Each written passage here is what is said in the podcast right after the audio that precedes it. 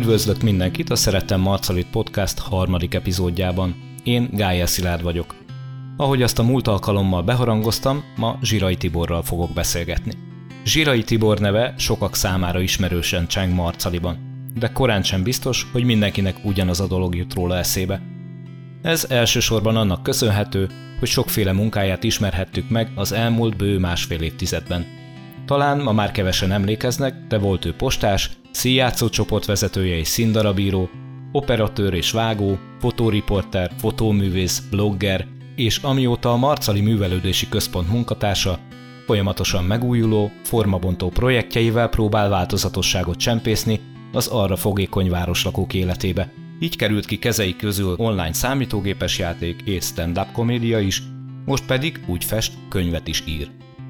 Az Emberség erejével alapítvány emberség díjára jelölték, amit végül nem ő nyert el ebben az évben, de egy biztos, Tibi nem mindennapi figura, és erre már sokan felfigyeltek, így a cím elnyerésére nem esélytelen a későbbiekben sem. A mai alkalommal egyrészt eddigi pályafutásáról, másrészt jelenleg is futó projektjeiről lesz szó. Köztük arról a félig virtuális, félig élő játékról, ami Marcali utcáin, közterületein zajlik, és az agytekervények mellett megmozgatja a játékosok lábait is. Tartsanak velem, és ismerjék meg Zsirai Tibort, akit már is köszöntök itt a vonalban, mint a Szeretem Marcali podcast vendégét. Szia Tibi! Köszöntelek én is, és köszöntöm a kedves hallgatókat. Tibi, engedd meg, hogy egy idézettel kezdjem, aztán majd valamikor a beszélgetésünk végén még visszatérünk erre a szövegre. Mára elég fontossá váltam ahhoz a magam számára, hogy többé ne érjek rá mindig, mindenkinek. Nehéz döntés volt, a gyakorlatban biztos lesznek majd még kisebb megingások, de az elhatározás megszületett, visszatáncolni már nem fogok. Kezdetnek az elmúlt hetekben ki is osztottam pár határozott nemet. Meglepően jól fogadták az érintettek, és meglepően jól viseltem én is ezt az újszerű szabadságot. Változtattam. Eddig az idézet, és ennek fényében különösen szeretném neked megköszönni, hogy elfogadtad a felkérést erre a beszélgetésre, az életművész jelzőt azt általában mások szokták ráakasztani az ember, és nem is mindig pozitív értelemben, de ha a te titulusodon gondolkodnék, akkor ennél konkrétabb alig jutna eszembe. Volt, akitől megkaptad már ezt a minősítést? Használják, igen, pejoratív és nem pejoratív értelemben is. Én az elégedett embert szeretem látni a névjegykártyám alján, mint titulust. Hogy viseled, amikor mások így szólítanak? Vagy ezt a jelzőt ragasztják rá, hogy életművész. Szerinted ez mennyire igaz rá? Hát szemtől szemben ritkán hallom, így igazából kapásból reagálni nem is nagyon tudok. Az életművészség az azt hiszem, hogy ha abban merül ki, hogy folyamatos lehetőségeket keresek arra, hogy egy picit kifejezzem magam a világ számára, akkor helytálló is lehet. A bevezetőben felsoroltak közül melyiknek érzed magadat igazán? Elég sok minden szóba került itt. Gondolom a postás az annyira nem játszik már. Érdekes dolog, mert a postával mai napig álmodok, és valahol mindig egy picit postás vagyok. Amikor én arra a pályára kerültem, mondjuk így, akkor engem nagyon vonzott ez a írvivő szerep, és egy picit ma is szeretek ebben létezni igazából a közösség felé. Tehát szeretem, hogyha én mondhatok valami újat a környezetemnek, esetleg én vezethetem be őket új világokba, úgyhogy egy picit még mindig postás vagyok, hanem is a szó klasszikus értelmében. Ami ma a legjobban igaz rám, az nehéz kérdés. Hát legtöbben a fotóból ismernek, illetve most egy-két éve új szenvedély ugye a társas játék, játékkészítés, játékfejlesztés, ezekben a körökben is egy picit többet mozgok. De ha be kell mutatni, akkor az elégedett ember az pont megfelelő, ugyanúgy, mint az életművész. De ha már előkerült a fotó, és nevezhetjük szerintem azért ezt a te főpályádnak is, a felvezetőben említett emberségdíj méltatásában sok mindent összeszedtek rólad, például megemlítik az első nagyszabású, mondjuk így projektedet, ami egy nagy volumenű fotósorozat volt 202 portré címmel. Talán ez volt az első olyan munkád, ami városszerte ismertétett. Miről is szólt ez pontosan? Igen, ez a projekt ez 2011-12-ben futott a városban. Ez egy 202 napon át tartó kezdeményezés volt, amiben a város lakosságáról szerettem volna egy gyűjteményt összeállítani, minden korosztályból és nemből, A lényeg az volt a sorozatnak, hogy nullától száz éves korig, amilyen életkorú lakója van a városnak, hogy ezen körzetileg megjelenhessenek ebben a sorozatban, ezáltal egy ilyen színes metszetet készítve, egy lenyomatot arról az időszakról.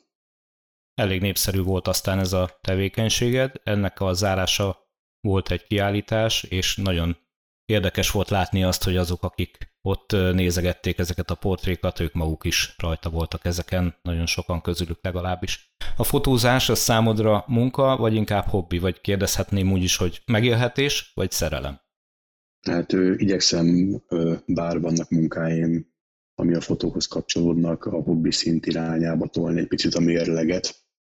Nem célom teljesen ebből megélni, leginkább azért nem, mert úgy érzem, hogy nagyon behatárolná azt, amivel éppen foglalkozni tudnék fotón belül. Nekem inkább ez egy ilyen kikapcsolódás és önkifejezési forma.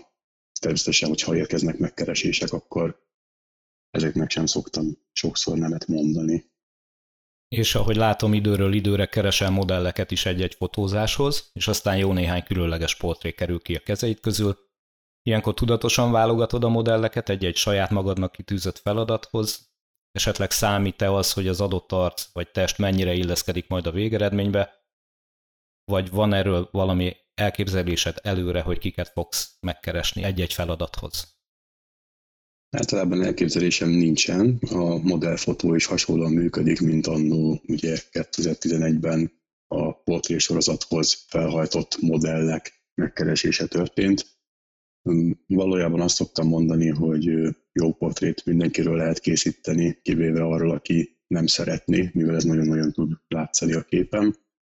Ha modellt keresek, akkor is általában a szándékot keresem elsősorban. Úgy gondolom, hogy bárkire, hogyha elég időt szánunk, és megvan benne a kellő lelkesedés, akkor mindenképp van esély arra, hogy kihozzuk belőle a legjobbat. Így igazából nem is külsőségek alapján szoktam dönteni, inkább tényleg ezt a fajta elkötelezettséget keresem az emberekkel, akikkel szeretek együtt dolgozni. Vagy miért van mindig szükség új emberekre? Ugye sok emberrel dolgozunk együtt, viszont nem mindig teljes az összhang, akikkel jó együtt dolgozni, azokkal ugye hosszabb a munkakapcsolat, de mindig keressük ugye az újdonságot is.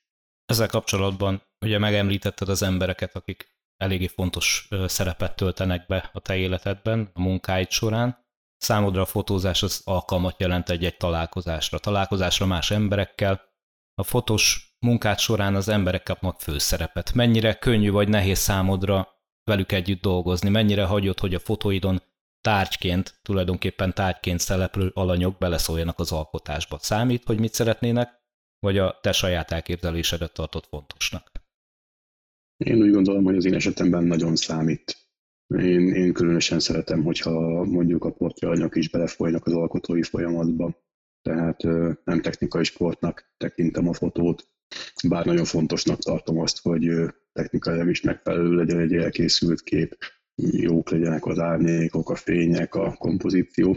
Emellett viszont, amit igazán keresek a képekben, az picit egy kicsit talán túl tud mutatni ezen és ehhez viszont szükség van arra, hogy maguk a portré alanyok is beledolgozzanak egy picit a képbe. Ugye a központban, ahogy mondtad, mindig az ember áll, mindig más a merítésnek a mértéke, van, amikor nagyon nagy csoportok vannak megszólítva egy-egy projekten belül, és ez le tud szűkülni akár egyetlen egy ember, egyetlen egy tulajdonságára is. Ami igazán foglalkoztat, amikor emberekkel fotózok, az inkább a tehát nem a külsőségeik, hanem az ő világlátásuk, vagy az ő környezetükhöz való viszonyuk, amit úgy érzem, hogy talán képekkel sikerül megjeleníteni olyan esetekben, mikor a szavak már túl bonyolultnak hatnának. Csoportokról is beszéltél. Szerveztél már fotótábor több, eddig összesen hét alkalommal. Volt olyan, hogy például néptánc csoportokkal dolgoztatok együtt. Azon kívül, hogy fotósok találkoztak egymással, és például szakmai előadásokat hallgattatok meg, mindig egy-egy témaköré szerveződött egy-egy alkalom. Hát akkor mi volt az a plusz cél, amit ilyenkor elterveztél? Mi miatt választottad éppen azokat az alanyokat, akiket választottál, vagy mi mozgatott, amikor a témát kerested? Hát valójában mindig fontosnak tartottam azt, hogy ezek az események, most ha például a felnőtt fotótáborról beszélünk, azok ne feltétlenül csak szűk körben folyjanak, hanem mindig egy picit kitekinthessünk a város egyéb együttesei, vagy mondjuk így, így társaságai felé. Így minden évben igyekeztünk új és új embereket bevonni, hogy egy picit ők is találkozzanak ugye a vidéki látásmóddal, mondjuk így, illetve akik hozzánk érkeznek, most már mondhatjuk, hogy visszatérő emberekről beszélünk, ők is folyamatosan azért valami újdonsággal találkozhassanak, mikor ellátogatnak hozzánk. Embermód, vagyis a történetek emberi oldala. Mit kell érteni az alatt? Mi az az Embermód projekt, és miről szól? Úgy tudom, hogy ha nincsen fotótábor, akkor nincsen embermód sem. Mennyire igaz ez? Annyiban igaz, hogy az Embermód projekt két másik alapító tagjával, Ruprek Judita és Szellő Gáborral itt Marcaliban találkoztunk első alkalommal. Meghívásomra akkor eljöttek hozzánk képeket készíteni. Barátság az azóta is töretlen és folyamatos közöttünk. Nagyon sok közös munkánk volt, állítottunk is ki együtt, nyitottuk meg egymás kiállításait, illetve szerveztünk is kiállítást a másik számára. Tavaly jött az az elhatározás, hogy kicsit kellene közösen mozogni riport témakörben is. Mindannyian azért a dokumentarista fotóban vagyunk, vagy érezzük magunkat igazán otthon. Erre hoztunk létre egy blogot a Facebookon, az Embermód blogot, ahol úgy gondoltuk, hogy számunkra érdekes embereket fogunk megmutatni a nagyvilágnak, úgy, ahogy mi képzeljük mondjuk a riportkészítést 2019-ben. Fotomanó tábort szervezünk a gyerekeknek nyáron, hogy ők is ismerkedjenek a vizuális művészetek alapjaival, ami egyébként elég népszerű, és mondhatjuk, hogy erre van túljelentkezés a nyári kurzusokban. Mennyire vágta ezt keresztbe a vírus? Gondolom, hogy teljesen. Most idén nem volt egyik sem, ha jól gondolom. Igen, nagyon keresztbe vágta. Egyrészt ugye finanszírozási problémák is voltak, hiszen mindent át kellett csoportosítani a járványkezelésre.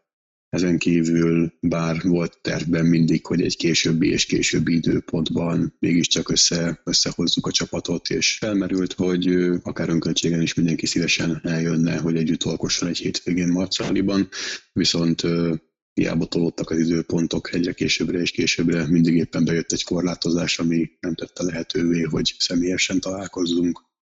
Úgyhogy a nyolcadik fotótábor úgy tűnik, hogy 2021-re fog átcsúszni. Bízunk benne, hogy akkor sorra is kerül majd. Jó, a fotózásról most akkor evezzünk át egy picit más vizekre, mert hogy időről időre felbukkansz egyes sokszor formabontó projekttel, amivel a város lakóit, de legalábbis az arra a dologra éppen fogékony korosztályokat vagy csoportokat próbálod megmozgatni. Ezekben talán közös pont a játék, vagy a játékosság, lehetséges, hogy pont azért, mert játszani is emberi és együtt játszani annyit jelent, mint emberekkel találkozni és jól érezni magunkat. Lehetséges, hogy ez erről szól? Igen, hát úgy gondolom én is, hogy a játék az egyik legjobb formája annak, hogy a körülöttünk lévő világot megismerjük, hiszen játékok során igaz, hogy elnagyoltan, de a valóságot modellezzük, és ezáltal szerezhetünk tapasztalatokat nagyon-nagyon sok területén az életnek. Ezért szeretünk mi is ugye játszani. Néhány dolgot említenék, amivel a te szervezésedben találkozhattunk már a városban, például felnőtt farsang. Ez jó móka? Mitől különlegesek az általad szervezett farsangi mulatságok? Felnőtt farsang az nem ez az egyetlen, ami a városban zajlik. Mint tudjuk, több egy, egyesületnek is van farsangi mulatsága. Amitől a miénk talán különleges, az annyi, hogy ez nyitott ajtóknál zajlik, tehát nem meghívásos alapon baráti társaságok számára szerveződik, hanem bárki jöhet egy előzetes regisztráció után. Évről évre ugye igyekszünk témában folyamatosan megújulni, és akkor ekkor olyan programokat is szervezni, amik egy picit túlmutatnak az italozás, táncos kettősségen. Ennek jegyében volt már képregényes farsangunk, vagy filmes farsangunk, ami elég emlékezetes, amikor is szinkronizáló versenyeket, filmes kvízeket kellett töltögetni, és Oscar díjjal jutalmaztuk a legjobb jelmezeket, rendezőket és egyéb szereplőket. Az egyik ilyen érdekes tematikus farsangunk volt két éve, egy félig szerepjátékos, félig nyomozós farsang, aminek végül is egy folyamánya lett az, hogy az első szabaduló szoba is megépülhetett Marcaliban. Szóval erre a farsangra készítettem direkt egy aznap estére szóló korzó éjszakai bejárást, amit nagyon élveztek a résztvevők, és akkor úgy gondoltuk, hogy ezt átültetnénk egy olyan terepre, ami szabadon látogatható az év többi napján is. Jó, erről foglak még kérdezni, szabadat ne feled, de először legyen a társas bázis, amit bevallom első hallásra nem különösebben volt vonzó számomra, hogy elmenjek valahová társasjátékokat játszani, akár vadidegen emberekkel. Ez működik a mai napig? A társas bázis működik, bár most az intézmény nem látogatható, így a játékok is a polcokon pihennek. A társas bázis lényege ugye annyi lenne, hogy bárki, aki kedvet érez magában arra, hogy társas játékokkal játszon, az ellátogathat a kulturális korzó épületébe, és ott szabadon választhat a polcokról, jelképes összegér lehet korlátlan mennyiségű játékkal ismerkedni.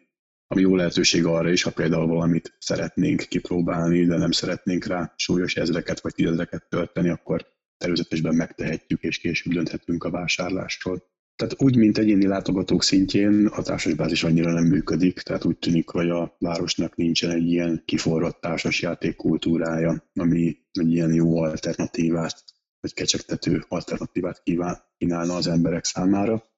Amiben mégis hasznosul az inkább ugye a nyári gyerektáborok, illetve osztályok szoktak látogatni hozzánk szabadidejükben, hiszen a gyerekek nagyon jól el tudják tölteni az időt ilyen környezetben. És úgy tudom, hogy ezek a társasjátékok utazni is szoktak. Hova? A játékok utazni is szoktak. A kiárási korlátozások bevezetésével és az intézmény bezárásával ugye mi is új problémával találkoztunk, mégpedig azzal, hogy nem tudtunk embereket fogadni a kulturális korzó épületében.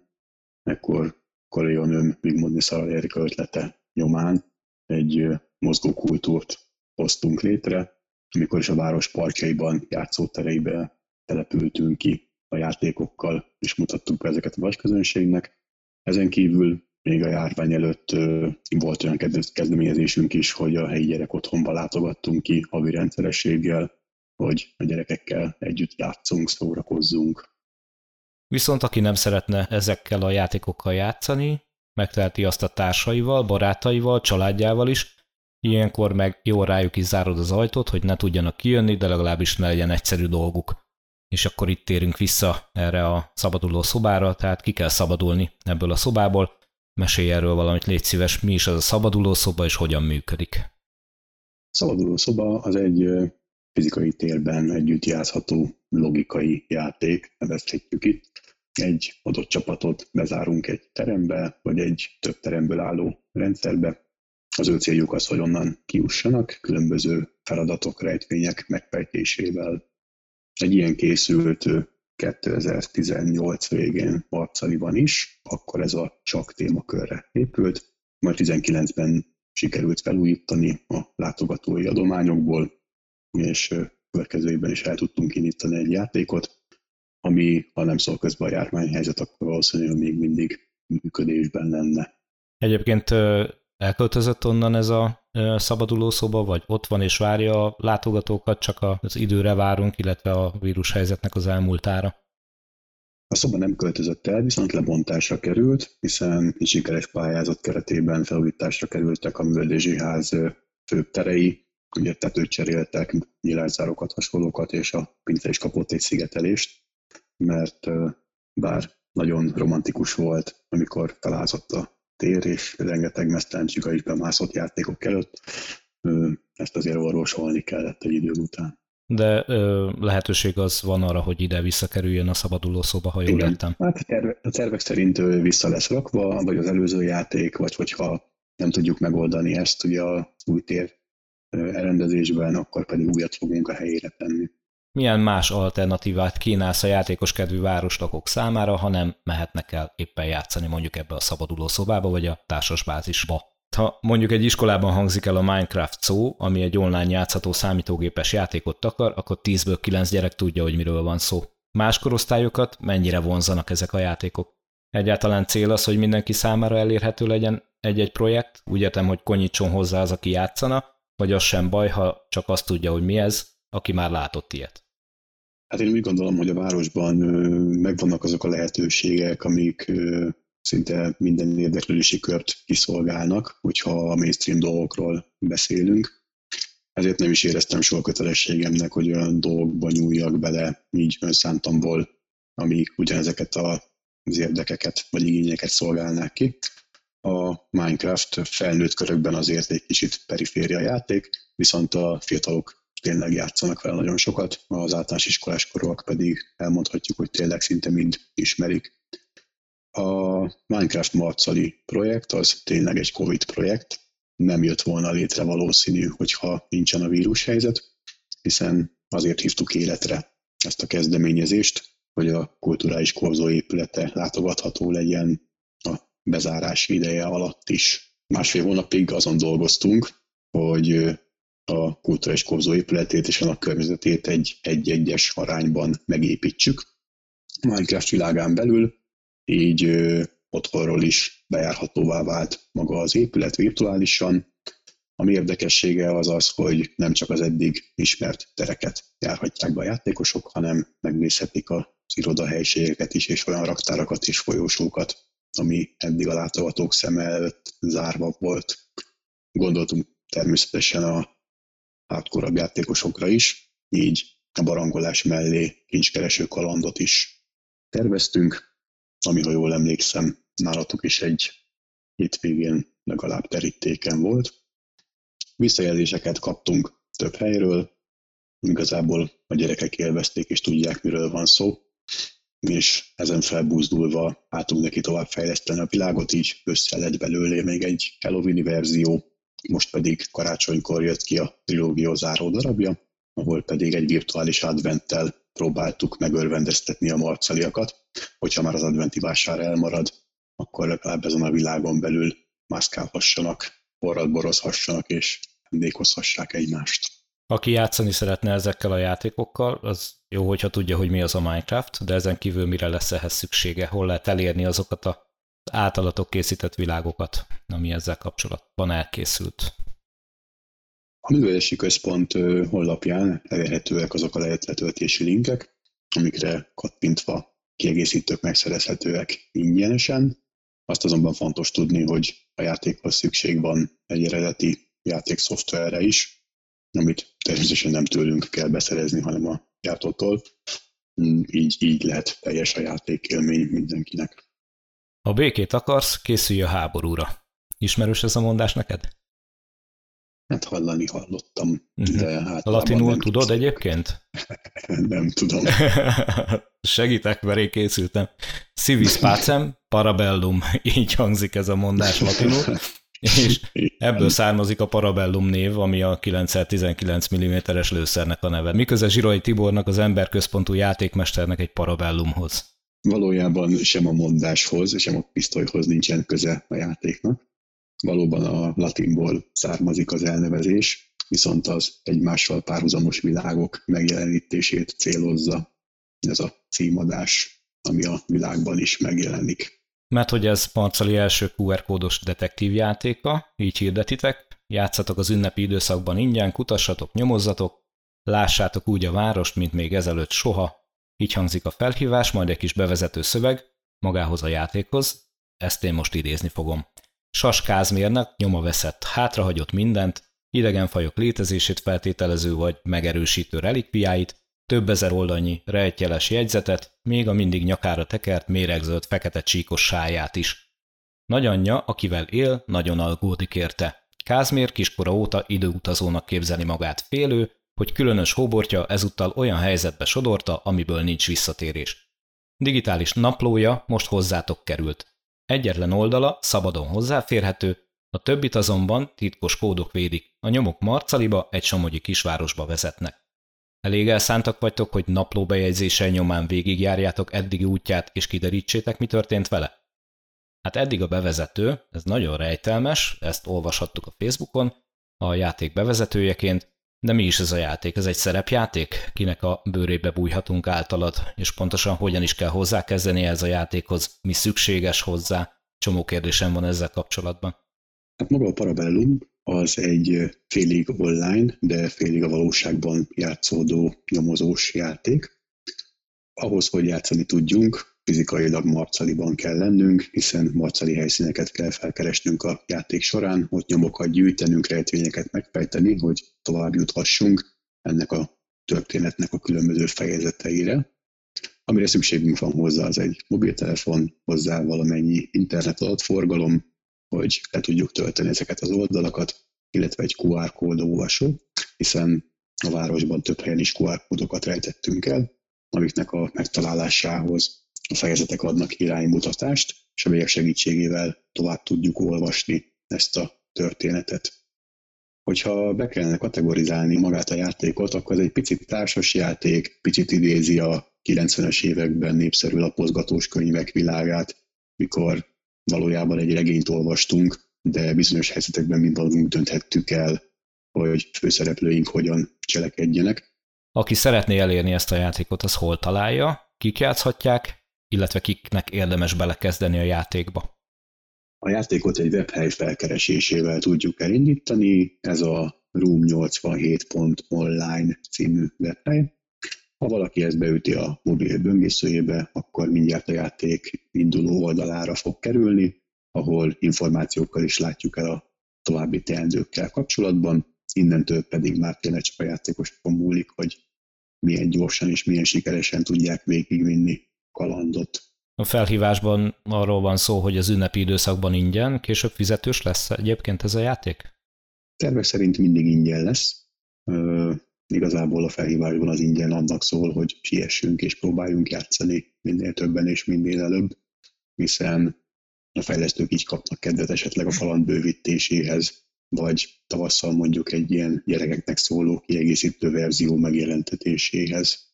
Mert hogy ez inkább felnőtteknek szól?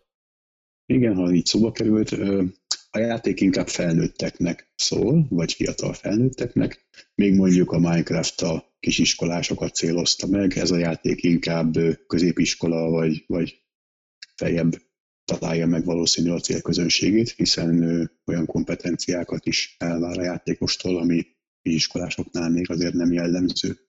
Ezt erősíti a játék, játék, játék ideje is, hiszen alaphangon is egy 3-4 órát igénybe vesz, amit hogyha gondolkodással és mászkálással töltünk, az mondjuk a kicsiknek már lehet, hogy megterhelő lehet.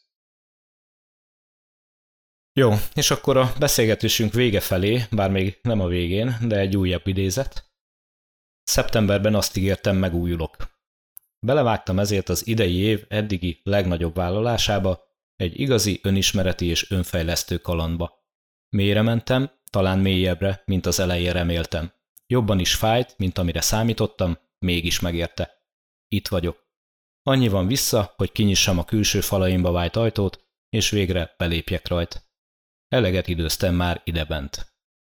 Száz nap, száz kisebb-nagyobb szösszenet, témákba csoportosítva, de a történet nem ennyi időről szól, sőt nem is annyira időről, mint útról, egy belső utazásról, amit te magad tettél meg saját magadban.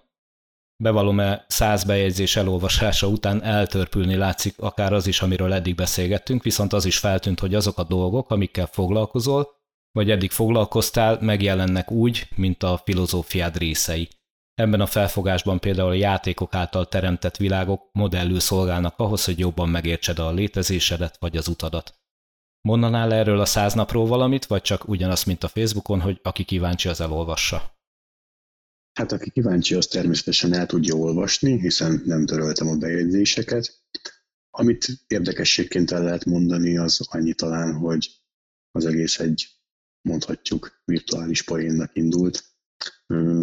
Ebben a, az új helyzetben, amivel találkoztunk idén, mindenki egy picit önmagát kereste. Mindenki rákényszerült arra, hogy újra vizsgálja a saját automatizmusait, és hát sokaknak, így sajnos nekem is rá kellett jönnöm arra, hogy rengeteg olyan szokásom, berögzülésem van, ami lehet, hogy nem szolgálja a fejlődésemet, hanem inkább csak a megszokások miatt vagyunk ebben a kis langyos állóvízben.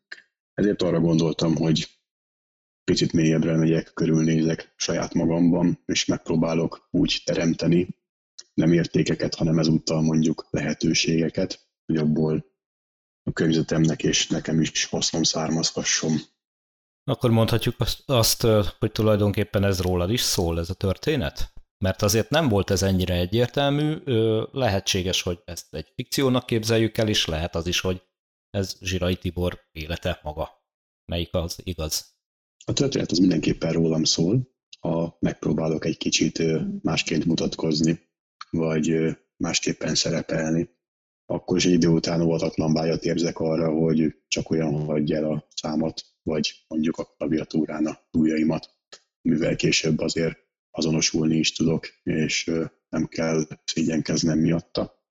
Úgyhogy mondhatjuk, hogy benne vagyok ezekben a posztokban száz százalékig. Érdekes, hogy külső szemlélő számára paradoxonnak tűnő dolog, amikor azt írod, hogy amit írsz és kiposztolsz nap mint nap, az nem azért van, mert mások figyelmére vágysz, hanem inkább azzal indoklod a közösségi oldalon való megjelentetést, hogy így nagyobb figyelmet tudsz szentelni annak, amit írsz. Vajon mitől van ez? Tehát mégis fontos az, hogy valakik olvassák? Vagy ez tényleg egy paradoxon? Nem paradoxon, viszont az sem fontos annyira, hogy olvassák. Az oka az, hogy naponta posztolva voltak ezek a bejegyzések, az az, hogy ez egy jól alkalmazható technika, ez 2011-ben is működött, amikor a 202 portrét készítettem a városban, hiszen ha az ember valamihez hozzákezd, akkor az bármikor leteheti, mikor úgy érzi, hogy neki ebből éppen elege van. Viszont onnantól, hogy kap egy kis nyilvánosságot az egész, így elvárásokat is támaszt magával szemben, nem tudja már olyan könnyen elengedni a vállalt dolgait, hiszen megpróbál megfelelni annak a maroknyi embernek, aki esetleg érdeklődést mutat a tevékenysége iránt. Úgyhogy mondjuk, mondhatjuk azt, hogy ez inkább egy ilyen önhajcsárkodásnak egy kifejező eszköze. Több gondolat megragadott ebből a történetből, bár bevallom, hogy nem olvastam végig az egészet még, valahol a felénél tartok, de nagyon tanulságos dolgokat tud meg belőle az ember, akár magáról, akár rólad. De ezek közül most egyet idéznék. Ellentétes erők, bonyolult egyensúlya tart mozgásban bennünket, és ezt aztán tovább is szövöd, azzal, hogy az egyensúly maga a semmi, és ami nem késztet változtatásra, az nem jó. De mindig érdemes változtatni? Nem jó úgy, ahogy van? Ez nem jelenti azt, hogy nem jó úgy, ahogy van, inkább ez az egész ez arról szól, hogy a tökéletes egyensúly az egy olyan mozdulatlanságot eredményez, amiből már nem nagyon lehet sem erre elmozdulni, ami egy kellemes és jó levegő állapot, de a világ nem úgy működik, nem a mi szabályunk szerint működik, ezért, hogyha külső hatások érnek bennünket, akkor ez az állapot nagyon könnyen felborulhat. Ezért úgy gondolom, hogy mindig kell bennünk lennie valamilyen ellenhatásnak, amivel az egyensúly közeli állapotban tudjuk tartani magunkat. A szélsőségeket ilyen szempontból nem tartom járható útnak, hiszen szélsőségekből nagyon-nagyon nehéz visszatérni ide. Viszont ha az ember mindig csak egy picit pillen meg éppen annyira, hogy előre tudjon haladni, akkor az egy jó alternatíva a nagyobb kilengések küszöbölésére. Annyit elmondhatunk, hogy egy regény készülsz ebből írni? Mondhatjuk, hogy ez a száz nap az alapja ennek a regénynek?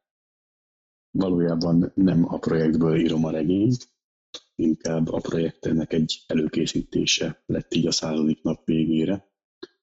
Meg volt bennem mindig a vágy, hogy egy egész könyvet összerakjak a saját gondolataimból, viszont ez ilyen-olyan okokból mindig félbeszakadt, most viszont úgy éreztem, hogy sikerül egy olyan rutint kialakítani ezzel a száznapos projekttel, hogy töretlen kitartással tudjak nekiállni ennek a nagy feladatnak is. Tehát maga a száznapos projekt arra volt jó, hogy egy rutint hozzon létre a számomra, hogy száz napon keresztül minden nap írjak, hogy egy helyre fókuszáljam a gondolataimat, és ezáltal egy kicsit trenírozzam is magam arra, hogy amikor az ihlet éppen elhagyni látszik, akkor is tudjak értékelhető sorokat letenni a nap végére, mindig abba a képzeletbeli kis jegyzetfüzetbe. Kézzelfogható könyvformában mikor találkozhatunk ezzel a történettel? Vagy tervezed-e egyáltalán, hogy könyvben is megjelenik?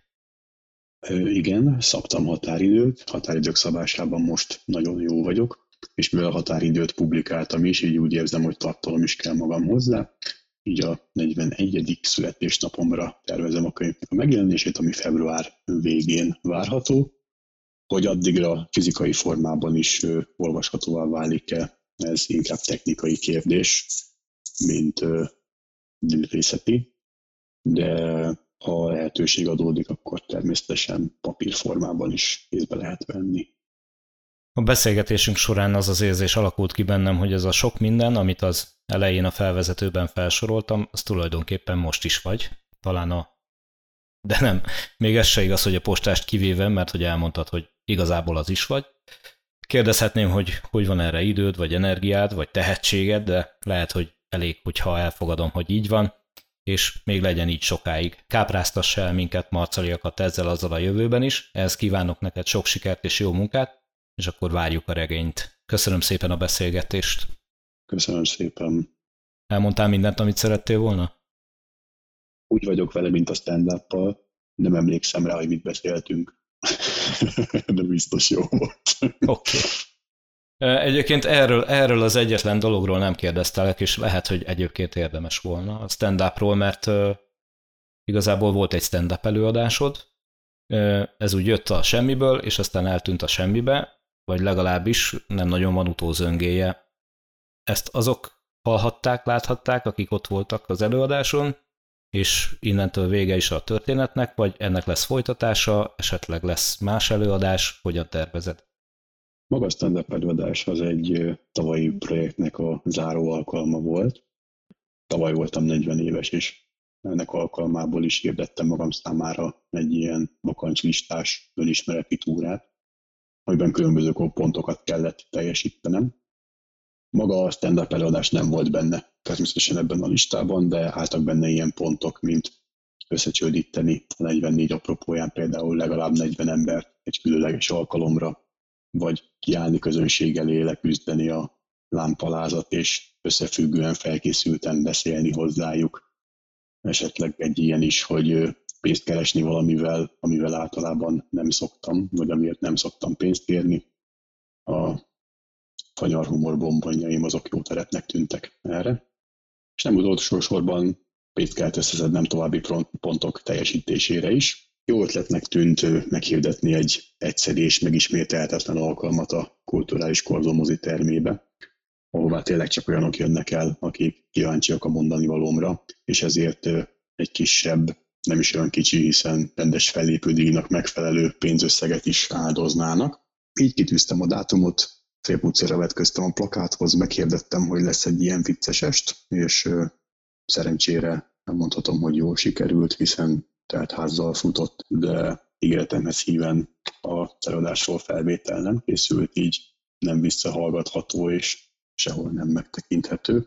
Így tényleg unikális élményben volt részük azoknak, akik akkor este ott voltak. Ezek szerint akkor folytatása nem lesz a történetnek? A folytatás lehetősége az időnként felmerül, hiszen nézők részéről is van néha igény. Nekem is van már egy ilyen szállóigém, hogy kell még egy stand-up, de konkrét időpontokban és témákban nem gondolkodtam még. Ha újra szeretném elvinni a gyerekemet egy közös születésnapi bulira, ahol rengeteg pénzt verünk el egyszerre, akkor természetesen fogok hirdetni egy ilyen alkalmat. Azt hiszem, hogy ez a része, és akkor így kerek és egész. Köszönöm szépen. Akkor, akkor így köszönöm meg még egyszer, és akkor további jó munkát kívánok neked, meg sok sikert. Rendben, köszönöm. Én is sok sikert kívánok a podcast további részeihez. Köszönöm szépen. A Szeretem Marcalit podcast harmadik epizódjának vendége Zsirai Tibor volt. Köszönöm, hogy velem tartottak, várom önöket legközelebb is egy újabb marcali vonatkozású témával. Hogy mivel, az hamarosan kiderül. Addig is vigyázzanak magukra. Mindenkinek boldog, nehézségekben szegény, sikerekben, de főként egészségben gazdag új évet kívánok. Viszont hallásra!